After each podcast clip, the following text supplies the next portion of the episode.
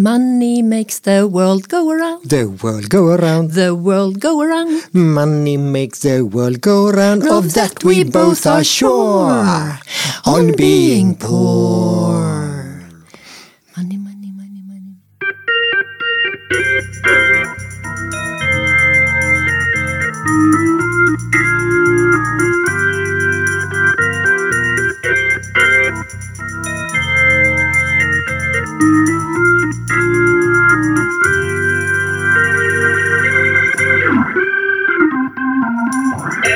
Ja, välkomna till en kvart om Göteborg, museets alldeles egna podd. Jag heter Håkan. Och jag heter Ylva. Och för er som inte minns den här låten från filmen Cabaret kan jag bara säga kasta er på valfri strömningstjänst och se Liza Minnelli sjunga. Ja, stark stjärna och bra filmtips fick vi där. Ja, men den finns ju faktiskt som föreställning på Göteborgsoperan också. Eh, Okej, det vill vi inte missa. Eh, men det här med tunna plånböcker har nog många av oss gemensamt i lågkonjunkturens Sverige. Mm, så det är bara en av flera anledningar till att prata om banker idag. Visste du förresten att Göteborg har kallats bankernas stad? Nej, eller jag... Men ska vi verkligen prata pengar? Du vet de tre förbjudna ämnena vid matbordet, politik, pengar och Håkan Hellström. Jo, det ska vi, för jag tycker det är spännande. Och ju fler år jag jobbar med kultur, desto intressantare blir det ju med pengar. Eftersom det påverkar allt i våra liv, inte minst kulturen. Vad kostar det? Vad kostar det? Det här är väl en av vår tids tjatigaste frågor. Ja, något som kanske märks i samhällsbygget i stort. Ja, det gör det. Men innan vi djupdyker i pengabingen så vill jag påminna om något annat som är lite stort faktiskt. Det är ju nämligen jubileumsdags. I Göteborg 402 år. Ja, I och för sig, men det var inte det jag tänkte på. Ja, ja, ja! 500 år sedan Gustav Vasa blev kung. Spännande, men nej. 75 år sedan det första numret av Kalle Anka och Company. Nej! Det här är ju femtionde avsnittet av En kvart om Göteborg. 50! Uh. Ja, så är det. Och 50 gånger en kvart. Det, det, det går att lyssna på oss i 12 timmar i sträck nu. Ja, men det kanske inte rekommenderas. Ja, men det, det, faktiskt. det, det, det är som att se alla Hobbit-filmerna och Sagan om ringen-filmerna i en följd. Ja, nu blev jag ju inte mer sugen kan jag säga. Men jag vill passa på att tacka er lyssnare som har följt oss. Kanske inte i alla 50 avsnitt, men lite nu och då.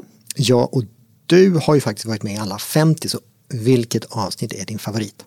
Ja, men jag tycker vi hade en stark början med blåleran som ju fortsätter att vara aktuell. Ah, det var där vi pratade om näringsrika hissingen och någon ballett på lera. Ja, den här fantastiska föreställningen Icon. Men du då? Alltså jag är ju sån så jag tycker om det lite mytologiska, så avsnittet där vi spårar gamla gudar i stan eller det om det omagiska Göteborg. Mm, där ser man. Mm, det, kan jag, det ante mig får jag säga.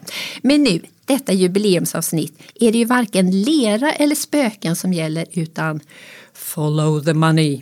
Ja, och förr eller senare hamnar du då i en bank. Ja, men precis så. Så jag tänker vi börjar med en definition. Okej, Så, enligt Wikipedia så är ju bank då ett företag som framförallt ägnar sig åt att skapa nya pengar i form av krediter. Utöver det fungerar banken också som en mellanhand och bedriver inlåning och utlåning samt ger annan service som handel med värdepapper som till exempel aktier och betalningstjänster. ja, det var torrt och koncist. Eh, Men okej, men jag gillar ju historiska perspektiv. Eh, varför behövs en bank? Och när börjar vi gå till banken? Ja, när slutar vi höll jag på att säga, för nu sitter väl de flesta och, och plinkar på mobilt bank-id och swishar till kreti och pleti. Ja, jag blev faktiskt helt chockad när jag fick sedlar i handen för några månader sedan på ett växlingskontor. Vad ska jag med dem till? Mm. Det kändes bara osäkert. Och ändå var det ju inte så många år sedan vi alltid betalade med fysiska pengar. Ja, jag har ju seriösa problem med de här nya mynten. Nya! Va? De är faktiskt från 2016. Lägg av, är de så gamla? Ja. Okej, jag har seriösa problem med de inte så nya mynten. Jag vet inte hur de ser ut. Om jag tar ett i handen så måste jag läsa innantill för att se om det är en enkrona, tvåkrona eller en trekrona. Mm, och här hör vi alltså dagens ilandsproblem. Men låt oss göra en bankhistorisk tidsresa. Ja, redan de gamla grekerna. Nej, men ännu längre sedan. Redan de gamla babylonierna, och nu pratar vi för flera tusen år före Kristus, de tror man i alla fall startade det hela. Redan de gamla flodkulturerna alltså. Och varför? Ja, men templerna lånade ut säd och djur då till jordbrukare och handelsmän som fraktade varor då mellan olika städer. Och sen så lämnade folk in guld och silver till templen som var samhällets säkraste plats. Så bankmän var ursprungligen präster. Mm, det är många frågor här. Ja, men så var det enligt min källa då, Riksbanken. Mycket trovärdiga uppgifter. Ja, ja, ja. Men hallå, det är det visst det! Och sen så utvecklades den här bankidén vidare i Egypten och under antiken. Och sen behövde lite korståg i öst, cash från väst tänker jag. Mm, precis, och sen så har vi ju den här tillväxten i Italien under medeltiden. Och sen kom vi egentligen fram till resan- renässansen. Va? Familjen Medici med flera. De var ju inte fattiga kanske. Ja, men det stämmer. Och i norra Italien menar man ju att det här moderna bankväsendet tog sin början. Och på 1600-talet, jag började i Sverige, när vi blev mer indragna i europeisk ekonomi och Axel Oxenstierna hävdade att även Sverige behövde inrätta en bänk.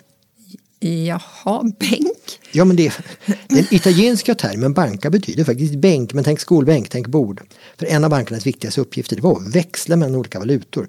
Så då gick till banken och så hällde du ut dina pengar på bänken och så fick du dem räknade och växlade till den lokala valutan. Men, men i alla fall, Axel fattar att eh, om bankerna kunde hjälpa pengarna att eh, cirkulera lite snabbare så skulle handeln öka. Mm. Så han var tidig på bollen. Men man kan säga att han var för tidig. För Stockholms Banko grundas först 1648. Och här på västkusten hände väl mest ingenting. Inte förrän Kolle tappade ett 20 kilo tungt 10 dollars kopparmynt på tån och bad om en sedel istället. Nej, men det här låter väldigt långt från en korrekt historieskrivning. Ja, men, o- okej, om, det är något, om det är något vi känner till om 1600-talets ekonomi så är det väl de här fantastiska eh, kopparmynten som staten gav ut som var så stora att folk knappt kunde bära dem, en del i alla fall. Mm. Låter synnerligen opraktiskt. Ja, och vem vet, det är kanske på grund av de här jättemynten som grundaren av Stockholms Bank och kommer på en idé. Ska jag bli lite orolig nu? Han kommer på sedlar. Jaha. Stockholms Bank är först i Europa att börja med sedlar eller kreditivsedlar som de kallas. Och vad innebär det då? Jo, eh, på den här tiden var ju pengar pengar, alltså mynt, guld, silver och stora mynt av koppar. Men när du kom till Stockholms bank och för att ta ett lån så kunde du istället få en högtidligt underskriven tillgodosedel som du sen kunde handla för. Praktiskt. Ja, och folk går ju bananas. Bananas! Ja, ja, ja, ekonomisk glädjeyra råder och, och banken öppnar filialer även i till exempel Göteborg. Hej vad det går! Eh, och så börjar banken bli lite för generös med de där sedlarna. Mm, så du menar? Ja men alltså, eh, kanske börja skriva ut lite fler sedlar än det finns faktiska pengar i valvet. Så lite upp som en sol. Och ner som en bankkrasch. Vissa saker känns ju lite eviga. Men vi fortsätter mot Göteborg. Ja, hur klarade sig de lånesugna här när bankkontoret hade lagt ner? De fick väl låna av någon som hade resurser. Ja, precis. Och som bevis på transaktionen så fick du en skuldsedel, en revers. Bara sådär. Eh, nej, ofta fick du lämna en pant. Och vad kunde det vara? I bästa fall ditt goda rykte, annars ditt hus kanske, eller dina brallor beroende på summan. Och den som inga byxor har. Kan ha problem i Göteborg oavsett årstid. Under 1700-talet och början av 1800-talet fanns det också något som kallades för diskonter. Diss. Alltså okej, vad var det då? ja, en slags ja, men privat eh, bankverksamhet. Fungerade lite som ett aktiebolag, alltså de pengar som diskonten lånade ut det var aktiekapitalet som aktieägarna hade puttat in. Alltså som en någon sorts bra sätt att fördela risker då. Ja, men i samband med en ekonomisk kris runt 1815 så gick det inte så bra för dem heller. Ge Någon gissning varför? Att de hade lånat ut mer än de... Ja, Alltså idag låter ju det där lite märkligt. Jag menar att en bank skulle gå omkull för att den lånat ut för mycket pengar. Det är ju inte enkelt att greppa faktiskt. Eh, nej, men det var ju det här att pengarna var ju fysiska. De var ju mynt. Mynt var pengar. Och kunde, alltså, du körde ju ett chicken race och skrev ut fler lånesedlar än du hade pengar i valvet. Så hade du plötsligt skapat en osynlig skuld som när som helst kunde dyka upp och bita dig i. Någonstans. Ja. Och det här gällde ju sedelsutgivaren staten också. I alla fall i teorin så skulle Riksbanken ha en guldreserv som motsvarade alla svenska pengar som fanns i rörelse. Wow, Fort Knox. Så också i teorin, om alla svenskar plötsligt ville lösa in sina mynt och sedlar i guld så skulle de kunna göra det. Och hur länge gällde det här då? Alltså fram till början av 1930-talet. Sen släppte pengarna och flöt fria från guldet.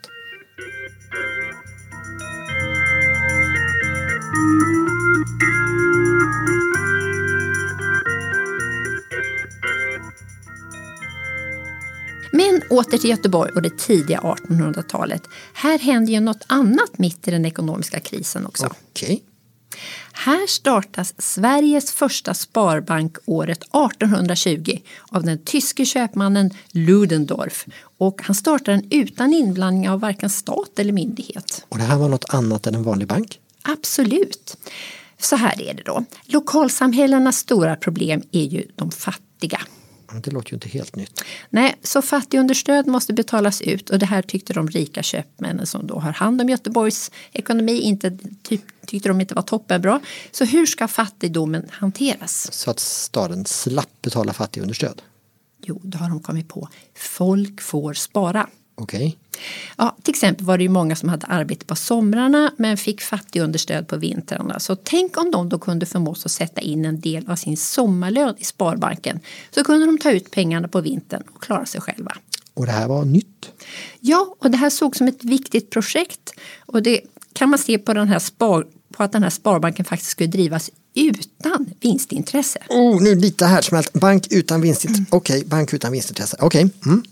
Ja, men det är ju också långt ifrån dagens kommersiella tänk. Kanske av en ren slump så la de också sitt kontor i anslutning till frimurarnas barnhem då på Drottninggatan 32. Och herr Ludendorff, han sätter in en annons i olika Göteborgstidningar som lyder så här. Anhålles att de herrar som havit den godheten att teckna sig för deltagandet ut i den projekterade allmänna sparbanken för denna stad behagade mangrant sammanträda ut i herr Bloms mindre sal måndagen den 11 dennes klockan fyra om eftermiddagen för att välja direktionen sig emellan samt överenskomma om stadgarnas fastställande. Bloms, ja det är Bloms hotell. Det var en institution i Göteborg. Mm. Och de här herrarna som då lystrar till den här annonsen, det är inga lättviktare. Vi pratar biskopen, landshövdingen, stadsmäklaren, juveleraren och så ett gäng grosshandlare. Alltså fint folk. Halleluja. Ja, och allt för att stötta fattiga. Men stadsmäklaren, ja men det är ju lite kul. Det var ju en speciell yrkesgrupp också. Mm, ja, men berätta. Jo men de hade alltså som jobb att sammanföra folk som hade överskott på pengar och ville låna ut med folk som behövde pengar. Alltså en typ enmansbank. Ja, lite grann. Och de var etablerade under 1700-1800-talet. Och under slutet av 1800-talet så då måste de vara en redig person, godkänd av stadens handelsförening, registrerad hos magistraten och måste svära en ed att inte syssla med egna affärer vid sidan om. Tio fingrar upp till Gud på det. Mm, ja, men jag menar, han skulle ju vara själva smörjmedlet i Göteborgs affärsliv. Men okej, nu har vi sparbank och vi har stadsmäklare. Men det räcker inte. Varför kallas Göteborg för bankernas stad? Ja, men jag kommer till det. För under senare delen av 1800-talet då börjar de här bankpalatsen faktiskt växa upp som svampar i jorden, framförallt längs södra och västra Hamngatan. Runt hamnkanalerna. Ja, för det här är Göteborgs första CBD, Central Business District, där grosshandlarna kunde vagga in och ut i imposanta bankpalats med tunga plånböcker. Mm, Ja, och de här bankpalatsen de byggs ju så de liknar italienska renässanspalats. Kan det vara en slump? Nej, lite tveg faktiskt. Men flera av palatsen finns ju kvar, även om bankverksamheten har flyttat vidare. Som i Chalmerska huset på Södra Hamngatan 11. Där startade inte bara Göteborgs utan faktiskt landets första aktiebank av Oskar Ekman. Den heter Skandinaviska kreditaktiebolag och året är 1864. Det låter storstilat. Ja, det är det. Men till en början så hyrde banken två rum utan den här Oskar Ekman. Jaha. Och han var dessutom styrelsens ordförande och när de skulle sammanträda så fick de sitta i hans privata salong. Det är bra att de inte satt i sovrummet. Okej, Oskar startar alltså en bokal, bostad och business i ett. Ja, men visst är det fiffigt. Och när banken inte får plats längre så bygger man nytt i hörnet av Västra Hamngatan, Drottninggatan. Vilket hus är det? Ja, men det är där antikhallarna ligger idag. Okej. Och sen så tar den här banken nästan som en gökunge över verksamheten mer och mer i kvarteret tills det inte går att växa mer i den här hörnan. Och då flyttar bankungen hemifrån. Precis, för på 1930-talet så slår den ihop sig med Stockholms bank och blir Skandinaviska Enskilda banken. Dagens SCB. Ja, och då bygger de faktiskt ett helt nytt kontorskomplex i dagens Nordstan på Österhamngatan dit de flyttar då 1973. med ännu mer business i, vad heter det, C- CBD. Yes, shopping it is. Och man kan säga att det är väl för övrigt vid den här tiden som folk kan gå och tralla på en slagdänga utav Hasse och Tage från 1968. Du tänker på Mm. Vad i helvete har de för sig in i banken efter tre? Gör de kanske något som allmänheten inte borde se? Sitter de och stoppar pengarna i sin egen portmonnä? Vad i helvete har de för sig in i banken efter tre? Ja, kanske behöver uppdateras. Sitter de och tvättar gangsterpengar? Bra utveckling där utav världen. Sådär. Men i bankernas stad Göteborg så öppnas ju en väldig massa andra banker. Som? Alltså nu kommer en hel hög här. Okej. Vad sägs om Göteborgs privatbank året 1848? Mm-hmm. Göteborgs och Bohusläns sparbank 1863? Mm. Göteborgs folkbank 1871? Göteborgs köpmansbank 1873, Göteborgs handelsbank 1904, Nordiska handelsbanken 1921 och sen så startar ju Riksbanken också en filial i Göteborg och det är faktiskt redan 1824 vid Stora torget. Rätt många. Ja, och sen under hela 1900-talet så är ju banken faktiskt en viktig byggnad i samhället. Det är ju dit du går och sätter in pengar. Du tar ut pengar, du betalar räkningar. Alltså det där känns nästan overkligt idag, även om jag har ju varit med om det. Ja, men visst. Ofta en ganska högtidlig lokal. Dämpade mattor, personal i fina kläder som sitter bakom glasluckor. Bankrånare. Va? Ja, men, ja, men tänk på hur många filmscener som utspelas i en bank när någon plötsligt stormar in och ropar “Detta är ett rån!” Mm. Ja, men det var väl för att där fanns pengarna. Ja, dåtidens grova brottslingar som ville ha stora summor pengar, de rånade banker. Och då får vi inte missa den märkligaste av dem alla som hade kunnat lyckas. Okej, Grodmansrånet från 1965. men vem rånar en grodman? Lyssna nu. Alltså, 29 juli 1965 så kliver en man och en kvinna in på Skandinaviska banken i Gamlestan. Okej, Alltså egentligen är det två män och de har planerat det perfekta brottet. haven't they all? Ja, men i det här fallet så har de båda två grodmansdräkt under kläderna. Och deras plan är att de ska råna banken, sen ska de hoppa i Säveån och så ska de simma till en plats där de har gömt syrgas och simfötter och så ska de simma under vattnet ända ner till Göta älv. Snälla.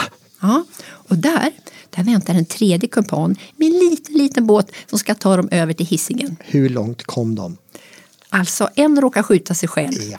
två gånger. Okej, Han greps i ån och den andra kom faktiskt undan. Men det finns gott om spaningstips. var vid försvinnandet iförd syrgastub? Ja, så att de grips kort efter. Ja, mm. okej, men det var det jag sa. Banken var central, högtidlig och dramatisk. Men, men var är den nu? Ja, men är nästan försvunnen ut bland ettor och nollor i cyberrymden. Och med den bankomaten? Ja, och tänk det här kö till bankomaten. Det var ju något man gjorde jämt för bara några år sedan. Ja, alla svordomar när du kommer till bankomaten och den är stängd. Ja, men det känns nästan som en bortglömd syssla. För behöver du kontanter idag så kan du ju ta ut dem i- när du handlar mat eller Ja, om du behöver dem. Ja, men vem handlar längre med Ah, kontanter? ah, ah, ah. Omkring 10 procent av svenskarna faktiskt, Okej. främst äldre. Mm. Och i jämförelse med resten av världen så an, de som använder mer och mer kontanter faktiskt. Ja, men på ett sätt så tänker jag nog att vi är på rätt väg. Ja, men hur då? Jo, men så här, pengar. Om vi pratar sedlar har ju Mm. aldrig tänkt att vara något i sig själva. De har alltid varit symboler för ett riktigt värde som finns någon annanstans, ett löfte liksom. Den här sedeln motsvarar ett kilo potatis eller en näve guld. Nu har vi tagit steget fullt ut och tagit bort även den fysiska symbolen. Så nu finns bara löftet kvar. Eh, ja, löftet, överenskommelsen, Mm, I form av en siffra. något sånt. Ett löfte som typ funkar till strömmen går. Ah, Ja, jo, bara en liten samhällskollaps kan göra det svårt att få pengar. Jag menar, det är svårt att gömma swish i madrassen. Swish i madrassen. Men ska vi säga att det här är slut på den här podden då? Ja, det kanske är så. Mm. Okej, ni som har lyssnat, då tar vi den här klassiken från bankomaten. Va? Slut på kontot! Och därmed avslutar vi detta jubileumsavsnitt. Det femtionde. Ja, och tack ni som har lyssnat, både idag och tidigare. Och hoppas ni fortsätter med det. Hej då! Hej då!